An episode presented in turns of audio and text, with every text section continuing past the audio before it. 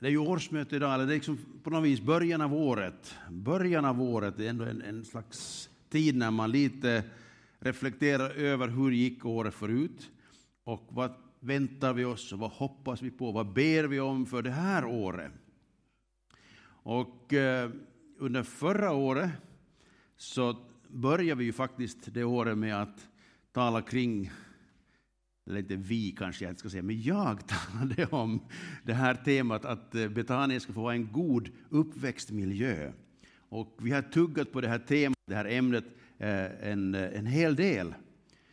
Och jag tror det är fortfarande jätteviktigt, det här är liksom grunden för att en församling ska kunna leva, det är att, det, att människor mår bra i församlingen, att människor blir helade, människor blir uppbyggda, människor blir upprättade inifrån. Och att människor får hjälp också med praktiska saker. Allt det här som, som gör att en människa kan må bra behöver på något vis vara hända i processerna, i gemenskapen, i verksamheten. Använd vilken term du vill. Men det behöver vara en bra plats, en bra gemenskap. Och vi hade speciellt fokus just på barnen, på de unga och det kommer vi att fortsätta med, eller hur? Men idag så skulle jag vilja lägga till en liten grej. Eh, eller på något sätt har Gud talat till mig under de senaste veckorna att det kanske är dags också att ta eh, eh, nya steg. Och eh, jag tycker den här texten ser väldigt enkelt att förstå och på något vis lätt att ta till sig, lätt att distribuera om man vill i olika sorters media. Jesus älskar Sibbo. Och det här visste vi ju redan, eller hur? Det är ju ingen eh, nyhet. Det här har evangeliet sagt. Bibeln säger att Gud älskar alla människor. Han vill frälsa alla människor, även de som bor i Sibbo. Det finns inga undantag. Alla människor, men inte Sibboborna. Nej. Utan var och en som åkallar Herrens namn, han ska bli frälst. Om de så också bor i dödsskuggans dal eller vandrar där eller bor i Sibbo. Take your pick, så att säga. Men nu finns det ett problem. Det är att alla inte vet om det. Och därför så har temat för dagens gudstjänst blivit det här. Låt dem få höra. Låt dem få höra. Och jag som ju inte riktigt eh, kan låta bli så gjorde jag lite då eh, hur ska man säga, saker man kanske inte ska göra i alla sammanhang. Men jag skrev om en gammal sångklassiker. Ni känner till det, jag tror att en del som vet vart jag är på väg. Men det finns en klassisk sång som säger Låt mig få höra om Jesus. Skriv på mitt hjärta vart ord, och den kan vi be den bönen varje dag och sjunga den sången. Men vad händer om man byter ut några ord i den där sången? Och sätter låt dem få höra om Jesus. Om det här är ett ord till församlingen idag, till dig som tror på Jesus, som vandrar med Jesus, så blir vi kallad att vara en kanal för hans helige Andes närvaro och vara ett språkrör för den helige Ande. Om du är en lärjunge som har fått uppdraget att göra lärjungar, då är det här till dig. När du har sjungit färdigt Låt mig få uppleva Jesus, så kanske du behöver tala till din ande och säga vad ska jag göra för att låta dem få höra om Jesus?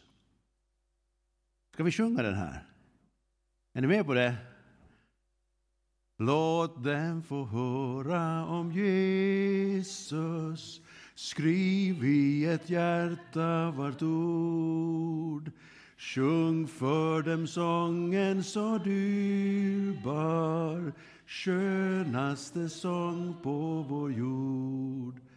Sången som änglar i natten sjöng och förherdar en gång.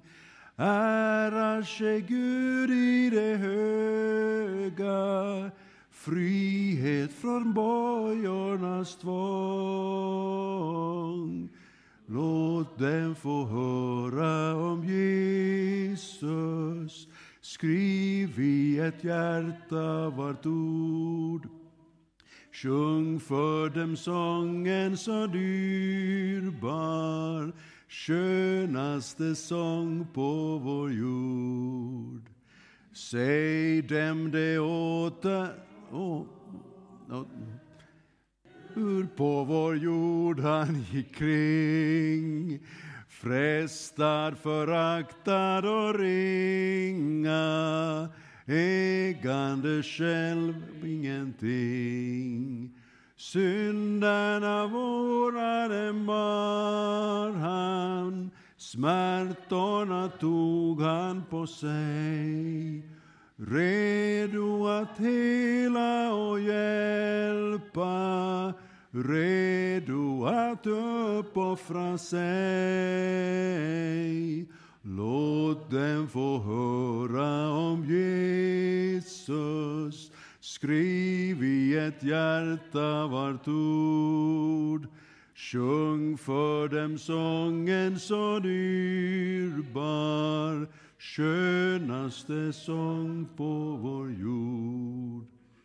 Låt dem få höra om korset, kvalen och smärtan han led.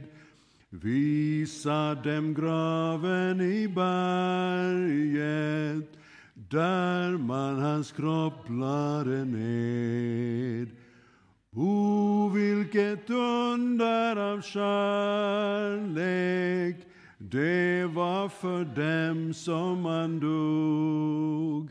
Det var för dem som han uppstod.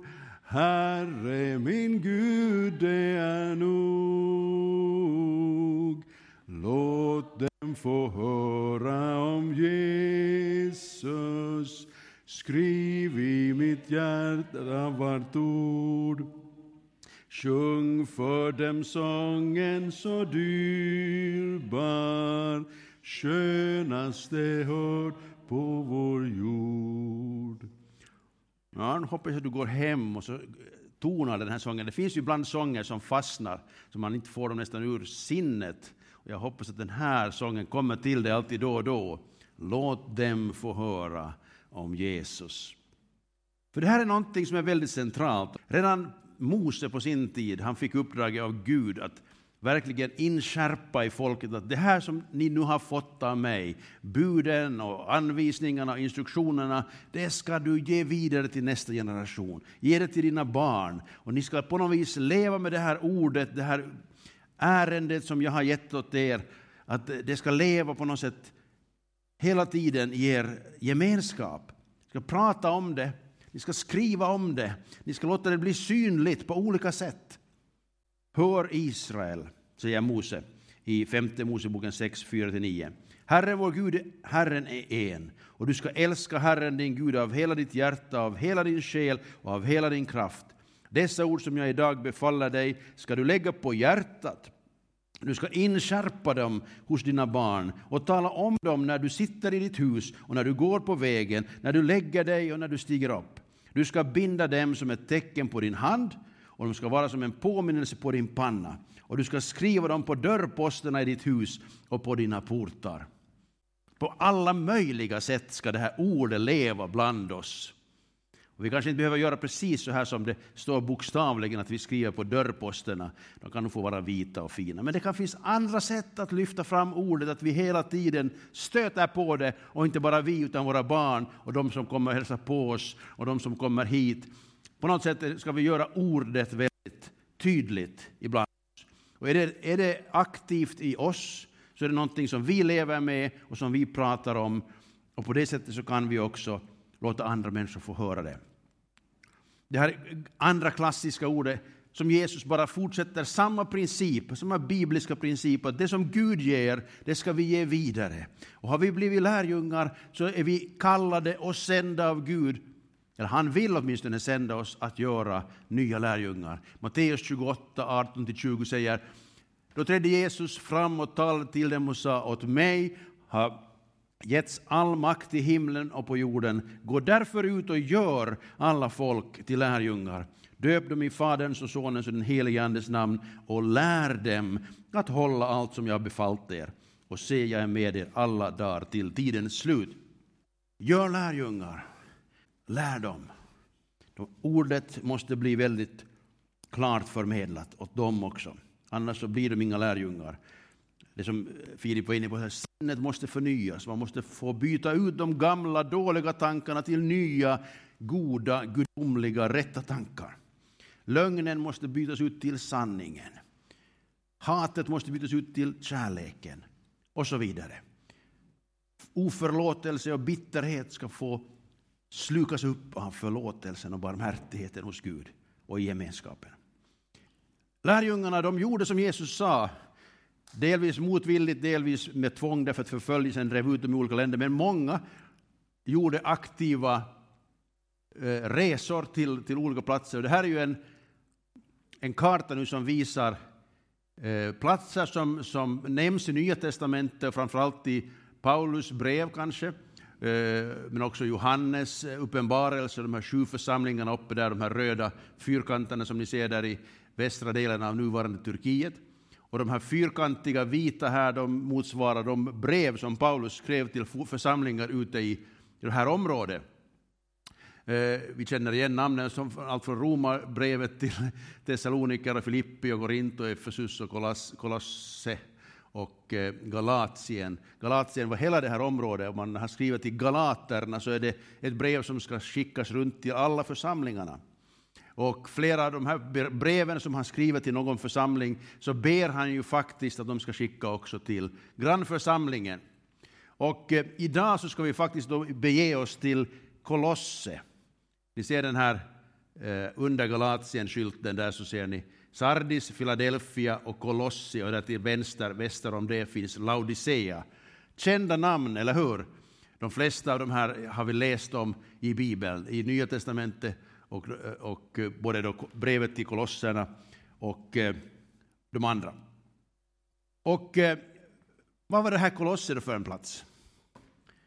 Någon som har varit där? Många har varit i Efesus och i Smyrna.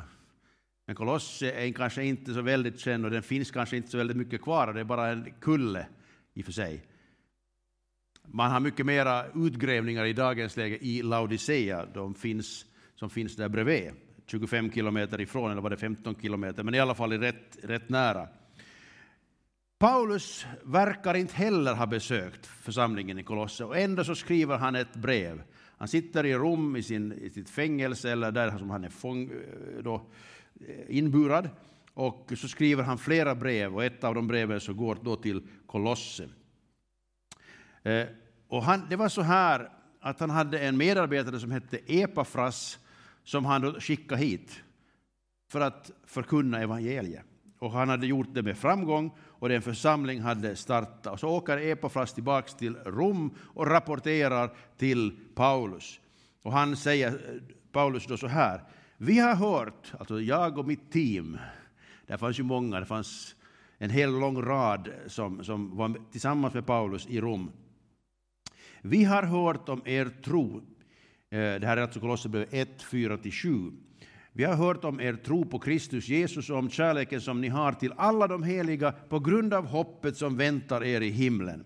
Detta hopp har ni redan hört om i sanningens ord, evangeliet som har nått fram till er.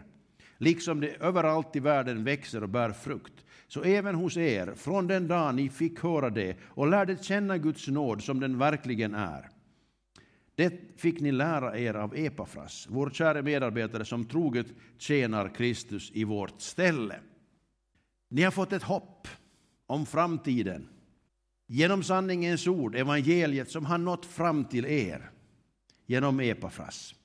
Och på något vis så, så, så slog det ju mig att eh, det här brevet kan vi ganska mycket ta till oss. Det här var ett brev alltså på en plats dit Paulus aldrig åkte och så vitt jag vet har han aldrig varit här. Församlingen bestod också av alla möjliga sorters människor. Det fanns eh, jude, eh, Jesus troende judar, men det fanns också greker och naturligtvis de som bodde där lokalt, alltså hedningar av olika slag, som hade kommit till tro på evangeliet. Och han, han instruerar den här församlingen, som ju ändå var ganska ny, på väldigt många olika plan när man läser det här korta brevet, jag tror det är bara fyra kapitel, och samtidigt berör han väldigt många områden som den här församlingen behöver förstå som han hade hört om, Epafras, jo det här är en sån här församling och de har så här tankar och funderingar och så här sedvänjor och, och så här ser det ut och så här verkar det låta där. Och Epafras hade säkert gjort en lång och ingående rapport. Men i alla fall så, så det viktiga som Paulus börjar med är att han förstår att de har kommit till tro på Jesus. De har tagit emot budskapet som Epafras förkunnar. Och så fortsätter han lite senare där i samma kapitel i 21 versen att också ni som en gång var främmande och fientliga till sinnet genom era onda gärningar, också er har han nu försonat med sig genom att lida döden i sin jordiska kropp. Han vill föra fram er heliga, fläckfria och oantastliga inför honom om ni verkligen står fasta och grundade i tron och inte låter er rubbas från hoppet i det evangelium som ni har hört och som har predikats för allt skapat under himlen och som jag, Paulus, har blivit satt att tjäna. De hade fått höra evangeliet. Någon hade tagit sig besväret att gå dit och börja tala ut evangeliet om Jesus. Berätta om vem Jesus var, hur han uppfyller profetiorna i den judiska bibeln och hur han offrar sig, ger sitt liv för att alla människors synder ska kunna bli förlåtna och alla ska kunna få frid inifrån och frid med människor och frid med Gud. Tack vare det som Jesus har gjort. De hade fått höra det här predikas. Skulle inte Epafras ha gått dit så skulle de aldrig kanske ha kommit till tro på Jesus. Det var någon som gjorde någonting, någon som talade ut ordet, någon som berättade för dem om Jesus. Så det här är genomgående det sätt på vilket sätt tron vaknar hos en människa. Och vi kan liksom inte säga att vi har gjort allt för att människor ska komma till tro om inte vi har gett dem evangeliet på ett eller annat vis. Så jag tänker så här att, att må Gud ge oss vishet och hjälpa oss att förstå på vilket sätt vi ska förmedla ordet som ger tro, predikan på, på Guds ords grundval som ger det här tron, som väcker tron hos människor. För jag menar, Sibbo är fullt av människor som inte tror, eller hur? Och en stor del gör det inte därför att de tycker att det är jättedåligt, utan för att de inte ens har hört det. De har hört delar av det, men de har inte förstått att Gud är närvarande, att Jesus är här för att möta dem och förändra dem inifrån. Jag tror att de flesta människor tänker att kristendomen är en, en sån här religion som man tror vissa saker och så gör man vissa saker, men det är inte så mycket mera. Men när man upptäcker att Gud är på riktigt närvarande, när man börjar höra om att han vill förändra ditt liv här och nu, det är inte bara någonting som handlar om himlen långt borta någon gång, utan det handlar om här och nu, att Gud är här, närvarande. Och att vi på något sätt kan förmedla den här närvaron till våra medmänniskor, det är nyckeln till att tron ska väckas. Vi fortsätter att läsa vad han skriver till, brev, till människorna i Kolosse, eh, 24-27 i första kapitlet.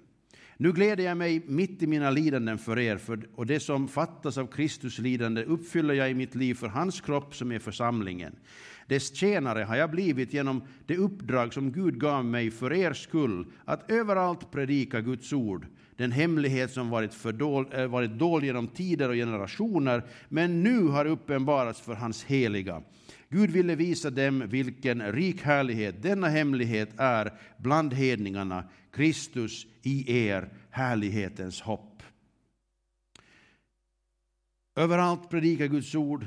Nu har den uppenbarats, för Gud ville visa hemligheten också hur den har kommit fram till hedningarna. Kristus i hedningarna är också härlighetens hopp. Och han fortsätter, honom, alltså Kristus, predikar vi genom att förmana varje människa och undervisa varje människa med all vishet för att föra fram varje människa som fullkomlig i Kristus. För det målet arbetar och kämpar jag i hans kraft som verkar mäktigt i mig. Det är Kristus vi predikar och det gäller alla människor, varje människa. Paulus hade en hög ambition. Han ville att varje människa skulle få höra och varje människa skulle få komma till tro och varje människa skulle få börja vandra tillsammans med Kristus. Det är hela församlingens poäng. Det är det kristna livets liksom, mening och mål. I fjärde kapitlet, i slutet alltså av brevet, Däremellan har han talat om det andliga livet, hur man ska leva tillsammans, både i församlingen och i, i, i familjen. Och han, har, han har många olika aspekter. Det är ett bra brev att läsa, som man läser på några minuter och så kan man försöka förstå vad betyder det här för mig. Och var du inte här förra söndagen och fick en sån här liten bibelläsningshjälp som jag gjorde uh, för er, då så finns det nya nu, nu här, både på svenska och finska den lilla lappen som finns där på andra bänken. Ni kan få den efter mötet. Men den, den är bra att ha med sig när man läser Bibeln och ställa sig den här frågan. Vad berättar den här texten åt mig om Gud? Och vad berättar den här texten om mig och om oss? Och vad är liksom hans avsikt med den här texten? Eller liksom, vad, vad, vad, liksom, hur ska jag tillämpa den här i mitt liv? Och allt det här gör att ordet börjar leva i mitt eget liv. Så ta gärna vara på den där chansen. I fjärde kapitlet säger han så här, var uthålliga i bönen, vaka och be med tacksägelse. Be också för oss att Gud öppnar en dörr för ordet så att vi kan predika Kristi hemlighet, för vars skull jag är fängslad. Be att jag talar som jag bör när jag lägger fram den. Var visa när ni möter de utomstående och ta vara på varje tillfälle. Ert tal ska alltid vara vänligt, kryddat med salt, så att ni vet hur ni ska svara var och en. Bönen är jätteavgörande. Och han, Paulus, som ju var en jätteduktig talare, han hade studerat mycket och han visste nog vad han skulle säga. Men ändå så är han beroende av att församlingen, också församlingen i Kolosse, ber för honom om att han ska förstå vad han ska säga, till vem, i vilket sammanhang där. För det finns ett, ett allmänt budskap, men så finns det också ett specifikt budskap som den helige Ande vill ge oss att förmedla till en specifik människa i en specifik, specifikt ögonblick. Vi vet inte vad en människa behöver, men Anden vet. Och därför behöver vi hjälpa varandra, att välsigna varandra och be för varandra att Anden kommer till vår hjälp när vi inte kan det själva.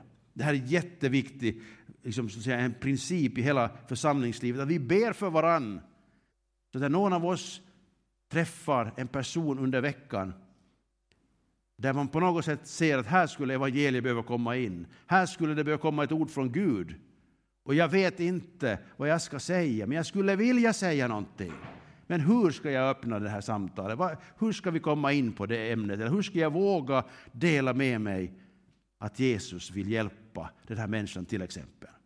Då behöver vi varandras förböner. Då behöver vi ha förberett det här, det här samtalet i bön själva, men också genom att vi ber för varann, att någon hjälper mig att eh, höra från Anden genom förbönen. Sen manar han dem att vara lite visa också, det tror jag också vi behöver vara. det är inte bara att ånga på hur som helst, utan att också på något vis tala vänligt, kryddat med salt. Jag tycker det är ett jättebra eh, råd han ger oss. Avslutningsvis här då så, så, slutar han brevet med att säga att när ni har läst det här brevet så skicka det till Laodicea, grannförsamlingen, och när ni då byter, när ni kommer dit så ska ni byta brevet. Det brevet jag har skickat till Laodicea, det ska ni också läsa. Och det här var tydligen en vanlig procedur. Att man skickar ett brev, visserligen till en församling, men det var ofta till många församlingar. Vi läste från Petrus första brev Eh, förra söndagen. Och där börjar han ju att det här, är, det här brevet är skrivet till församlingarna i Pontus och eh, Galatien och vart det nu var, alla de där ställena i, i det här mindre Asien. De här breven var inte så specifikt, specifikt till en, en församling alla gånger, utan det var tänkt att det här, ska, det här är en allmän undervisning för alla församlingar och därför så kan vi ju ta det här till oss också. När man läser någonting, när man läser upp någonting så hörs det ju, eller hur? Många hade ju inte möjlighet att läsa, men de hade möjlighet att lyssna. Och eh, det är också jämförbart med hur Sibboborna fungerar. Det är inte så många som läser Bibeln, men det är många som lyssnar på allt möjligt. Och om vi kan föra in Guds ord så att de hör Guds ord på ett eller annat vis, så har de möjlighet att få tag i tron. Här förra eller nu i veckan faktiskt, i början av veckan, så var jag då i Stockholm på pingstpastorkonferensen. Och eh, Daniel Alm, som ju är ledare för pingstnätverket eh, eh, i Sverige, så han talade där första kvällen och, och, ville också på något vis ge en viss riktning eh, åt rörelsen och på något sätt eh, talar tala om att det är här vi ska fokusera på under det här året. Och det var väldigt uppmuntrande för på något sätt så, så det in i det här som jag nu också har lite här talat om, att låt dem få höra. Och eh, då gjorde han, eh, marknadsförde han de här två hashtaggarna, mer Jesus till folket och mer bön för folket. Jag tycker det, det är någonting som ligger i linje med vad jag försöker säga idag också. Att vi vill ju ge mer av Jesus till folket. Men för att kunna göra det på rätt sätt så behöver vi be för både oss själva och för folket att den här liksom tillfället kommer, att den här mottagligheten växer. Att det, det leds så att det faktiskt inte väcker motstånd eller stänger dörrarna. Paulus han bad om öppna dörrar för evangeliet. Och det behöver vi be om, att vi ska få se att Gud öppnar dörrar till olika människor under det här året. Så jag tyckte det var, det var ganska inspirerande. Vi kommer att se mer av det här. Daniel Alm kommer att komma hit i mars på, på ledardagarna, så jag hoppas ni kan vara med på det. Alla som, vi nu har, som nu har stigit upp här i funktionärs eller medarbetarlistans uppräkning. Ni är alla inbjudna också, förstås vem som helst här i Sibbo vill vara med och kan vara med. Eh, den 20-21 mars kommer han att vara med på ledardagarna och undervisa. Då kommer vi säkert att få höra mer också om det här. Och eh, det kommer också att komma ett, eh, ett, ett material som, som hjälper oss att be fokuserat åt det här hållet här i mars. Mer om det senare alltså. Eh, under pastorskonferensen så, så ville man också lyfta fram det här med kreativitet. Att inte vara så, hur ska vi säga, bara använda det som man någon gjort tidigare, utan också kunna hitta nya sätt att nå ut till människor. Och då hade man en kille som hette Linwood Berry eh, där, som är en talare. Då. Han är pastor och missionär, han bor i Madrid, han är eh, Assemblies of God, ledare för Assemblies of God-församlingarna runt Medelhavet. Eh, men han är också konstnär. Och här var nu bara ett exempel på ett av, en av hans bilder som han, han visade där. Naturligtvis var det mycket bättre också där i verkligheten än det här, en, en bild av en bild av en bild av en bild. Så det blir lite blekt. Han var mycket färgstark om man säger så. Eh, och det här är en bild då, tror jag, på den samaritiska kvinnan som fick höra, möta världens frälsare Eh, och hans tanke var det här att vårt uppdrag är att på olika sätt göra det osynliga synligt. För Gud verkar i det osynliga. Vi kan inte se in i den dimensionen av tillvaron, men han vill, vill därifrån ändå påverka våra liv. Och för oss så handlar det också om att tala och, och, och, och på något vis berätta och visa människorna att Gud är närvarande, fast han inte syns. Och det är genom ordet och genom anden och genom vår kärlek som det här allt eh, blir möjligt. Eh, men jag tar det med som ett exempel därför att jag tror att vi ska be här i början av året om kreativa, nya sätt att ta itu med vårt uppdrag. Att låta dem få höra om Jesus, ja, eh, men på ett sätt som kanske Anden ger oss. Inte som vi försöker hitta på eller konstruera, utan det som vi leds av Anden in i att göra. Om vi bara tar en liten kort eh, resumé av vad vi, vad vi nu, nu för tiden gör för att låta människor höra, så är det ganska mycket som händer här i kyrkan. Eh, vi har alla möjliga samlingar, från gudstjänster till, till efterhäng och olika samlingar för olika målgrupper. Och det är jättebra och vi har sett också att det på något sätt lever och det, det utvecklas också, den, den, gemenskapen. Och vi når människor som, som, som inte kommer till gudstjänsten, men de kommer till de andra samlingarna. Så totalt sett så kan vi säga att vi betjänar flera människor än vad vi ser så att säga, som medlemmar i kyrkan eller som närvarande just i gudstjänsten, om även om gudstjänsten jag fortfarande tycker att det är den viktigaste hela veckan och den som samlar den stora gruppen. Men, men de här mindre samlingarna längs veckorna är, jätteviktiga. Eh, och där når vi människor som, som, som vi aldrig annars når. Så att vi talar ju om, om hundratals människor över året som vi, vi når på det här sättet utanför den här kärngruppen. Och allt det där ska vi ju naturligtvis Eh, fortsätta så som Anden leder oss och låta dem också bli mötesplatser mellan himlen och människorna. Sen har vi också en del eh, grejer utanför kyrkan, men det är väldigt lite egentligen. Jag är väldigt glad för att finska grupper de har, de har, låtit, de har lyssnat in och de har bett om Herrens ledning och Herren har lett dem och gett dem resurser med sångare och musiker. Och, så de hade musikcafé förra sommaren och sommaren före det också redan. Och det här är en bra sporre för oss att hitta eh, nya sätt. Och min, min egen tanke är ju så här att vi har två målgrupper i, Sibbo. Vi har flera, men vi har två huvudgrupper. Den ena gruppen är den svenska talande som har bott här i generationer ofta, är ganska liksom rotade i sina nätverk och, och släktsammanhang. Eh, och det, det, skapar speciella förutsättningar. Hur når vi dem? Sen har vi finsktalande, då, av vilka de flesta faktiskt idag kan sägas vara inflyttade första generationens Sibbobor. Och eh, när, när, vi talar om, om musikcaféet på torget i, i Nickby så är det de som, som faktiskt möts där är just de som är ensamma, bor i huset bredvid och har ingen att träffa, men de kommer gärna ner när det händer någonting och lyssnar och så hittar de hit till torsdagskvällarnas eh, finska bönesamlingar och får en gemenskap och får en, en familj mitt i Nickby som de inte hade vetat om om inte de skulle ha hört musiken på torget. Eller hur? Så fungerar det. Och jag tror att, att för att nå de finska talande så är det här en fantastisk möjlighet. Jag tror inte att det är så jättemånga svenskar, men hur vet, vem vet hur Gud leder? Men eh, det finns olika sätt för olika grupper helt enkelt. Vi försöker naturligtvis också eh, jobba med media, för det är någonting som man, som man når på, på, på bred front. Och jag, jag leker ju lite med tanken att vi skulle under, under det här året kunna göra någonting som skulle nå hem i varenda postlåda, i varenda hem i Sibbo. Jag vet inte ännu något konkret hur vi skulle göra det här. Vi har ju skickat ut livet någon gång, men på något sätt så leker jag med tanken att vi skulle kunna skicka någonting som vi kan skicka till alla i hela Sibbo, på alla språk. Nödvändigt, som det finns i Sibbo idag. Nej, men åtminstone två språk. Eh, men här behövs det många nya tankar. Det här är som är bönämnet från den här gudstjänsten. Det är att Herre, tala till mig om på vilket sätt jag personligen kan låta någon få höra. Församlingens uppdrag är att låta dem få höra, eller hur? På bredden, alla. Men våra enskilda, vår enskilda kallelse att låta någon få höra. Vi ska skriva om sången igen. Låt någon få höra om Jesus. Tar du det mer personligt till dig själv. Låt någon det här året få höra om Jesus genom dig. Eh, det är en viktig, viktig bön.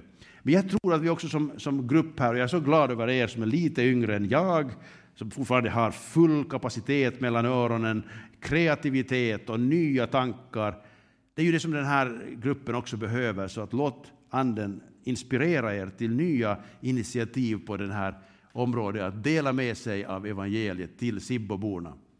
Eh, vi fortsätter att prata om det här framöver.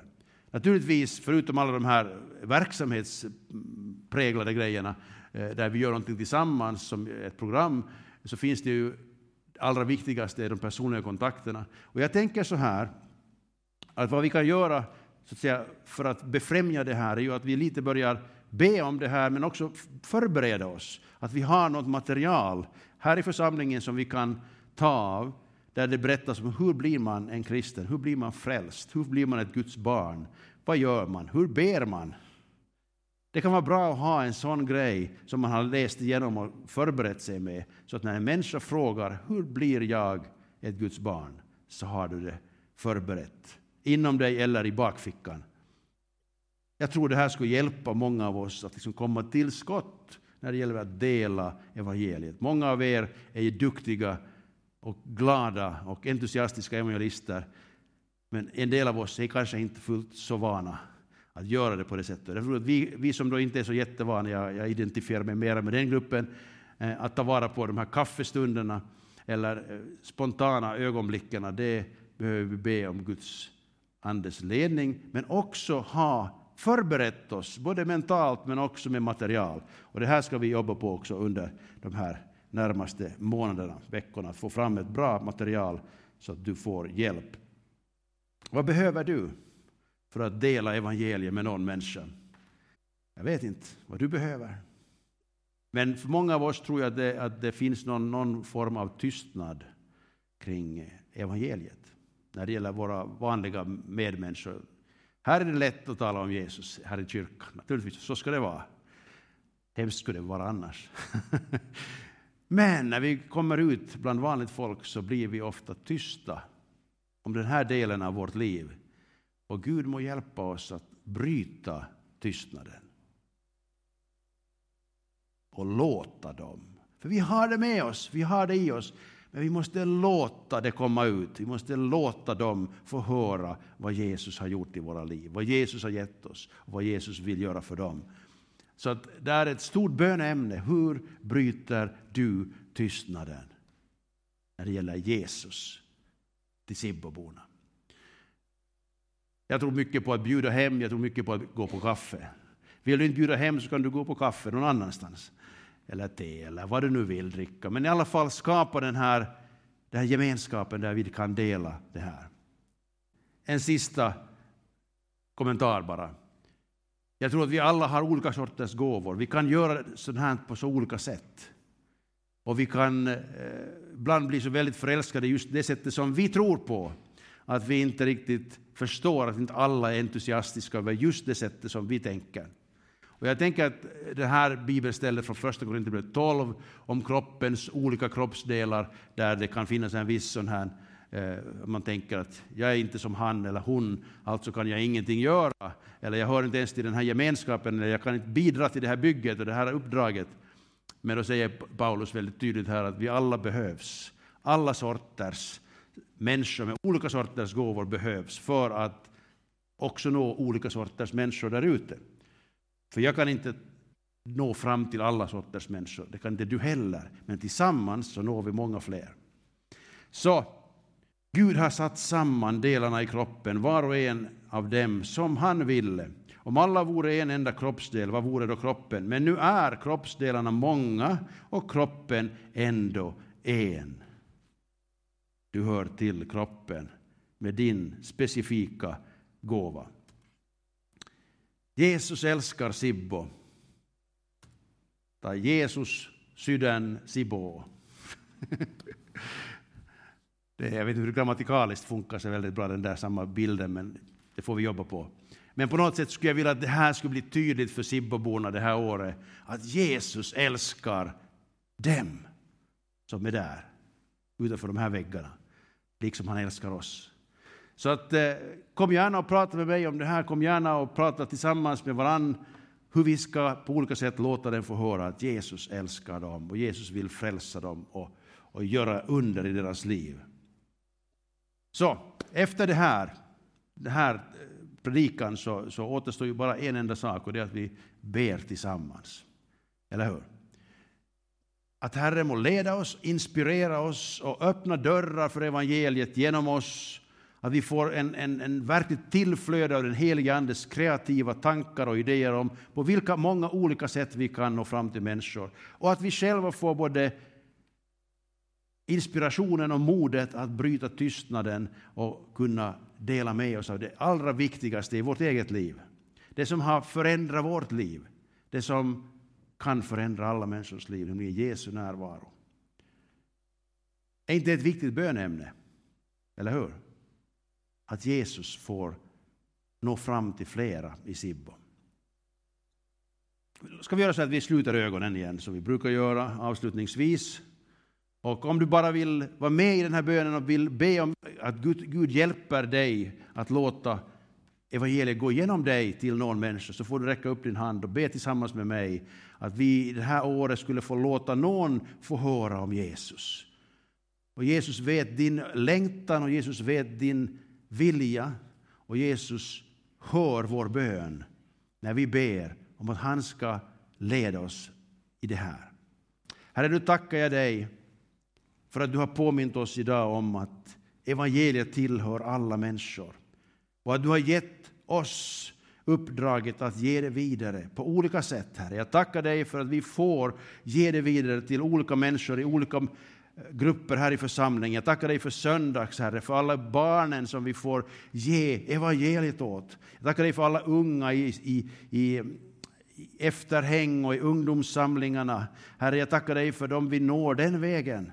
Jag tackar dig Herre för våra specialsamlingar med kvinnofrukosten och, och Karasamlingen och, och bönsamlingarna Herre, olika processer som händer där Herre. Tack för alla människor vi når med evangeliet genom de här, genom gudstjänsterna, genom våra olika andra aktiviteter Herre.